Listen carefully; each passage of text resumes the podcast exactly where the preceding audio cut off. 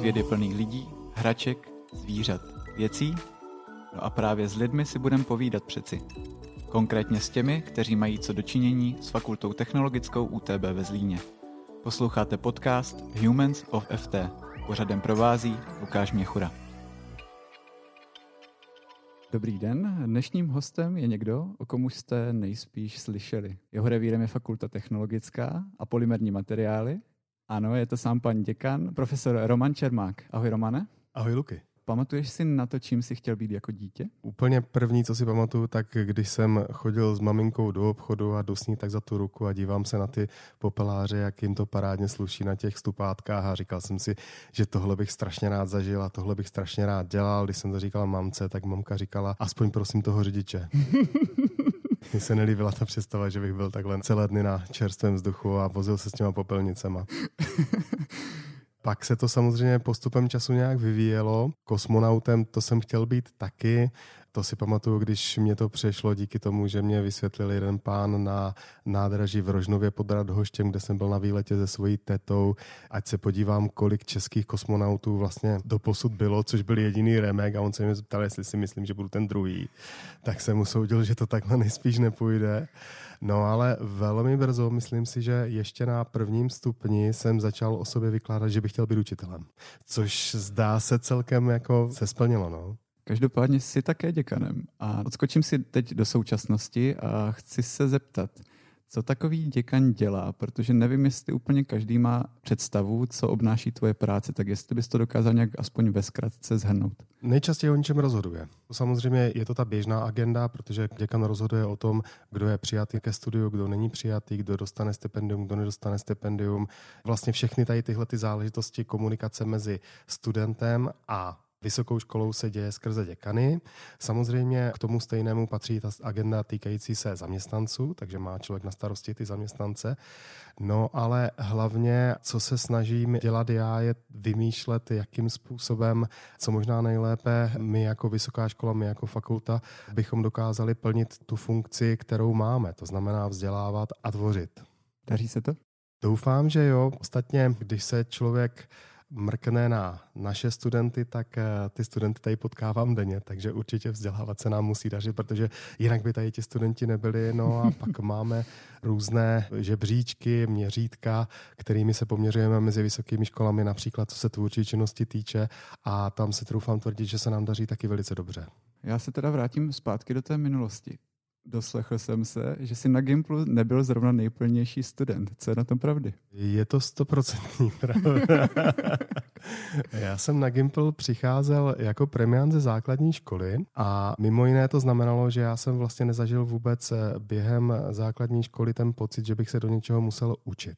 Když jsem s tímto přišel na gymnázium, tak pochopitelně takových, eh, co se nemuseli na základce učit, nás tam byla většina. To znamená, že v tom porovnání jsem z ničeho nic nebyl někde na začátku, ale spíše možná uprostřed, možná v té lepší polovině, těžko říct. Ale vzhledem k tomu, že jsem svůj zvyk neučit se nezměnil, tak to na tom gymnáziu pak eh, s těmi známkami přesně podle toho vypadalo. Každopádně, potom jsi šel studovat na UPOL na chvilku, učitelství matematiky a hudebky, jestli ano, říkám správně? Ano. Jenže to taky úplně nedopadlo a já se ptám, proč? No, já jsem na tu matematiku hudebku šel vlastně takovým tím klasickým způsobem, co si myslím, že se doteďka může stát nejednomu gimplákovi. Demu matematika, přemýšlí, že by mohl učit, a hraje na nějaký nástroj. Takže pak jako v tom rozhodování to vlastně jako bylo jednoduché, no tak půjdu na učitelství matematika hudebka což bylo fajn, dostal jsem se, přijali mě ke studiu, no já jsem začal studovat. Jednak eh, stále panoval můj nezvyk se učit, ten se změnil až eh, na další vysoké škole, na té naší, na které jsem začal studovat o tři roky později. To byla jedna věc, no a druhá věc byla, a to si myslím, že hraje docela podstatnou roli, bylo to, že z mého pohledu se strašně rozcházelo to moje očekávání od toho, co se vlastně na té vysoké škole dělo. Týkalo se to zejména matematiky. V hudebce tam jsme se učili všechny, myslím si, že užitečné věci, protože když si představí člověk, že měl učit na základce hudebku, protože já jsem, já jsem měl učit pátý až devátý ročník, kdybych býval eh, tady tuhletu vysokou školu absolvoval, tak jsme se tam učili hrát na klavír, zpívat, harmonii, dějiny hudby, v podstatě jako všechno, s čím se v nějaké formě člověk setká na té základní škole. Ale v té matematice to byla opravdu to, čemu se říká vyšší matematika, diferenciální, integrální počet. A já jsem neuměl pochopit a mě strašně brzo zklamalo to, že, že vlastně se učím něco, k čemu se pak během té praxe téměř stoprocentně nedostanu. Jo, čili tady tahle ta jako ohromná vzdálenost mě, co se učím a co bych pak měl dělat, mě do jisté míry si myslím pomohla v tom, že jsem na to začal kašlat. Každopádně, už jsi zmínil potom eh, následný nástup na FT, ale mezi tím bylo ještě něco zajímavého, jedna zajímavá životní etapa, která, na kterou se tě chci zeptat. Se tady sleču do Asi rok si pracoval jako skladník na Prior. Ano. Abych to uvedl na pravou míru, já to vůbec nemyslím nějak handlivě, sám jsem chvilku pracoval jako skladník, ale zaujala mě ta představa, ta skutečnost, že se ze skladníka někdo stane děkanem. Jak je to možné? Jak, jak se ti tohle podařilo? Přišlo tam nějaké jakoby, životní prozření, že chceš pokračovat na té vysoké? Ono to zase souvisí s tím, že jsem předtím studoval to gymnázium a člověk má pocit, že přece jenom z toho gymnázia z toho, toho umí jako hrozně moc. Ale na druhou stranu jsou to věci v té, řekněme, čistě teoretické rovině, takže já jsem tehdy, když jsem teda jako neúspěšně ukončil studium na Univerzitě Palackého v Olomouci, tak jsem šel s tou představou, tak dobře, co bych mohl dělat. Napadlo mě, že bych mohl jít pracovat do banky, to si vzpomínám, jak jsem šel na ten první pohovor. Já jsem tehdy nosil dlouhé vlasy, jelikož jsem hrál na kytaru v metalové kapele. A oni se jako tak dívali, říkali, no dobré, dobré, to byste možná zvládli, ale ty vlasy by museli dolů. Mně bylo 20 a říkal jsem si, no jako vlasy jsou přece důležitější než nějaký job v nějaké bance. No a těmito postupnými kroky jsem teda skončil vlastně jako ten skladník mezi lidmi, kteří neměli žádnou kvalifikaci, dost často neměli jiné než základní vzdělání na prioru v tom, v tom skladu. Mm-hmm. A tam jsem byl přesně ten rok a ten rok byl sužující.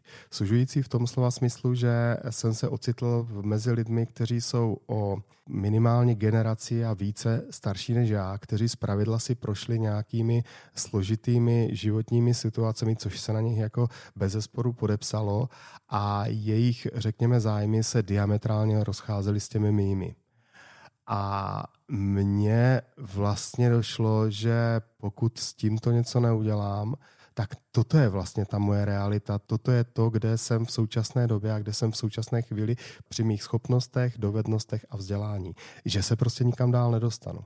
A to mě docela upřímně, musím říct, vyděsilo. Já jsem teda hnedka po nějakých dvou, třech měsících jsem jako říkal, že já tady končím vlastně začátkem dalších prázdnin, dám si prázdniny a poté nastupuji na vysokou školu, ať to stojí, co to stojí. No a to jsem dodržel. Ano, pak si nastoupil na to zmiňované naše FT. Ano. Pokud to říkám správně, studoval jsi materiálové inženýrství. Ano. Co tě na tom chytlo nejvíc? Nebo jak se to vlastně stalo, že zrovna tenhle obor bylo to pravé pro tebe? Já jsem studoval v době, kdy neexistovali bakaláři a na to navazující inženýři. Eh, to byl vlastně jako inženýrské pětileté studium, takže to, že mě to chytlo, za to nemůže materiálové inženýrství, protože my jsme první dva roky, tomu se říkalo inženýrský základ a bylo tam matematika, fyzika a chemie, vlastně tak, jak to v současné době de facto taky z části máme. My jsme to asi měli trošku více. Jo, bylo to i, i dotačně, jako hodinově asi více, než máme v současné chvíli. No a to, co mě na tom chytlo, bylo to, že jsem, jak jsem se bál, že bych mohl znovu zklamat, že bych mohl znovu vlastně skončit na tom prioru, což teda jako já taky proti prioru nic nemám, akorát to prostě nebyla moje životní, nevnímal jsem to jako svůj životní cíl. Tak jsem eh, uvěřil, když tehdy pan docent Novák, budíš mu věčná sláva, přišel někdy na začátku do hodiny to se jmenoval ten předmět algebra a deskriptivní geometrie a říkal, víte, podívejte se doleva doprava a buďte si jistí, že ty vedle sebe buď to neuvidíte, anebo oni neuvidí vás. Jinými slovy, že vás tady polovina ubyde. A já jsem se strašně bál, že budu ten nalevo napravo, nebo respektive, že s tadyma zmizím. A díky tomu jsem se začal zprvu pravidelně, pak musím říct, že usilovně připravovat ze dne na den, z hodiny na hodinu do těch jednotlivých předmětů, které pro mě byly velice složité. Protože já jsem během toho roku, co jsem byl tím skladníkem, jak se člověk netrénoval, tak já jsem zapomněl úplně esenciální věci, například jako jak se odstraňují závorky, upravují výrazy a podobně. Takže já jsem o to více vlastně do toho začal šlapat. No a mě chytlo to samotné učení. To, že se prostě do něčeho připravuju, to, že vidím ten svůj jako pokrok v tom a to, že se mi začíná dařit. To, že napíšu dobře písemku, to, že něco pochopím a podobně. Takže to bylo to hlavní, kvůli čemu vlastně já jsem z ničeho nic jako byl v roli, ve které jsem do té doby de facto nebyl, protože, jak jsem říkal, do té doby jsem tu školu tak jako trošku šudlal.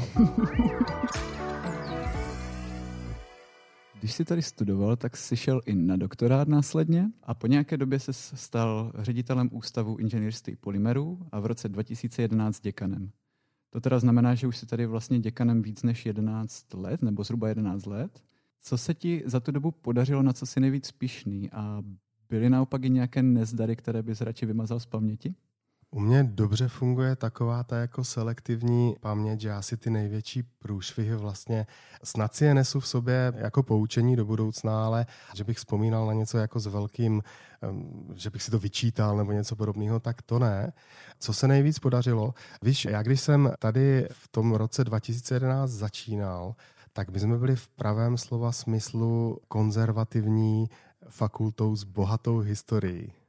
A měl jsem tehdy pocit, že spousta věcí tady nějakým takhle jako způsobem de facto je zavedená. Už možná jsme zapomněli, proč tomu tak je, jestli je to tak nebo onak. A mimo jiné se to začalo negativně promítat v tom, že jsme šli postupně dolů z počty studentů, přičemž ale existoval docela významný závazek vůči projektu, díky kterému máme novou budovu, Fakulty technologické laboratorní centrum, který teda byl v tu chvíli, kdy já jsem tu fakultu přebíral, vypadal jako naprosto nesplnitelný. No a my jsme postupně krůček po krůčku začali dělat všechny ty kroky k tomu, abychom teda ten počet studentů pokud možno stabilizovali. Což začalo jednak v tom, že jsme začali s komunikací, jednak ven, s komunikací dovnitř. Začali jsme se dívat na to, jak mají vypadat studijní plány, co má být obsahem studia, jak co možná nejlépe zesouladit právě to, o čem jsem mluvil, to znamená očekávání studenta s tím následným zážitkem, který tady ten má. No a zároveň jsme se začali zabývat taky tím, jak to vlastně udělat tak, aby jsme co možná nejlépe odpověděli i na ta očekávání těch jednotlivých eh, pedagogů, kteří tady učí, protože ono vlastně výsledkem celého toho našeho procesu musí být to, že si navzájem rozumíme že tak nějak jako ani jeden, ani druhý nemáme některá, ani ta jedna nebo druhá strana nemáme nějaká nesplnitelná, ale i nesplněná očekávání. Tady by prostě měl existovat nějaký soulad. Že to není úplně jednoduchá věc, plynou z té prosté věci, že se ti tady potkává potkávají více generací. A ty generace spolu musí komunikovat a výsledkem vlastně té komunikace by měl být ten člověk, který ten na začátku vyšel co by holátko s maturitou a vyšel co by v tom dobrém slova smyslu začínající expert, připravený fungovat někde zejména teda v průmyslové sféře. Jo, čili to je takový jako postupný přerod. Samozřejmě by se dobře říkalo, no podařilo se nám třeba během toho právě otevřít tady tahle ta budova, ve které sedíme, jo, což je dobré, ale tam já jsem navazoval, to už jsem zdědil jako projekt, který už nějakým způsobem fungoval. Ale to finále, jak to tady vypadá, tak samozřejmě to záviselo nejenom teda na mě, ale na těch lidech, kteří tady dobře fungovali. Co teda ještě musím vypíchnout, podařilo se nám taktéž, myslím si, já doteďka na to velice rád vzpomínám, na to první období, že se nám hrozně hezky podařilo vytvořit vlastně jako ten tým těch lidí, kteří jsme vzájemně, myslím tím děkan a proděkani, předseda akademického senátu, tajemnice, kteří jsme jako fakt v tomhle asi táhli za jeden provaz a nám se dařilo vlastně v tomhle postupovat dál a dál. Společnými silami k lepším zítřku. Ano, ona to není prázdná fráze. Ano. Totiž. Co plánuješ do budoucna? Když, když bychom zůstali u těch budov, jo. to, je asi, to je přece jenom, víš co, když pak člověk jako umře nebo zmizí, nebo se začne zabývat něčím jiným, tak tady zůstávají ty hmotné statky. a v tomhle ohledu bez sporu, to, že tady v 2014 byla otevřena jedna budova a doufejme někdy a teď jako to odhadněme, že 2025 bude otevřena nová budova, která zatím nestojí, Zatím tam stojí ta stará, ta, ta historická budova, uh, budova U1, kde to ve Zlíně všechno začalo, co se týče vysokého školství. Tak to je samozřejmě jeden ten cíl, který pak asi bude vidět a který, pokud doufám, že se mi podaří teda obhájit to, že bych měl být děkanem ještě teďka další čtyři roky, tak uh, by se dalo za tu dobu vlastně stihnout, jo, celý tady tenhle ten projekt dotáhnout do cíle. Ale já teďka hodně přemýšlím a hodně jsem začal pracovat se svými kolegy na de facto restrukturalizaci těch studijních programů ve smyslu, aby student, který k nám přijde, si mohl a zcela vědomně zvolit v podstatě jednu z cest, kterou bude považovat jednak pro sebe za tu možná co nejvíce rozvíjející a zároveň řekněme, kde se možná může vidět v rámci svého očekávání do budoucna, aby si jednoduše mohl zvolit, jakým způsobem se bude profilovat. Jestli spíše k praxi, nebo spíše do vědecké laboratoře, a nebo máte na nějaké mezinárodní spády.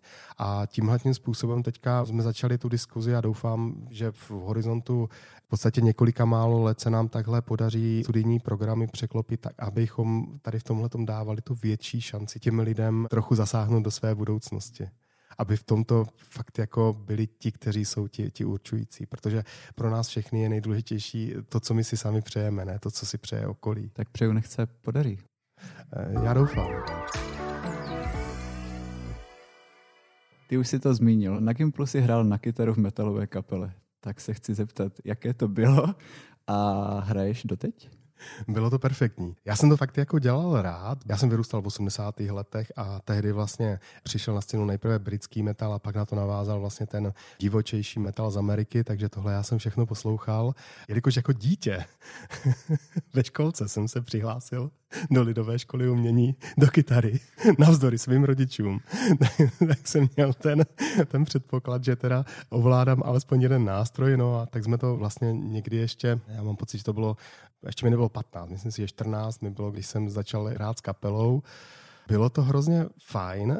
Na druhou stranu se tam tehdy projevovalo to, co teď už zažívám v menší míře, ale co mě provázelo celé dětství, mládí a to byla ohromná tréma.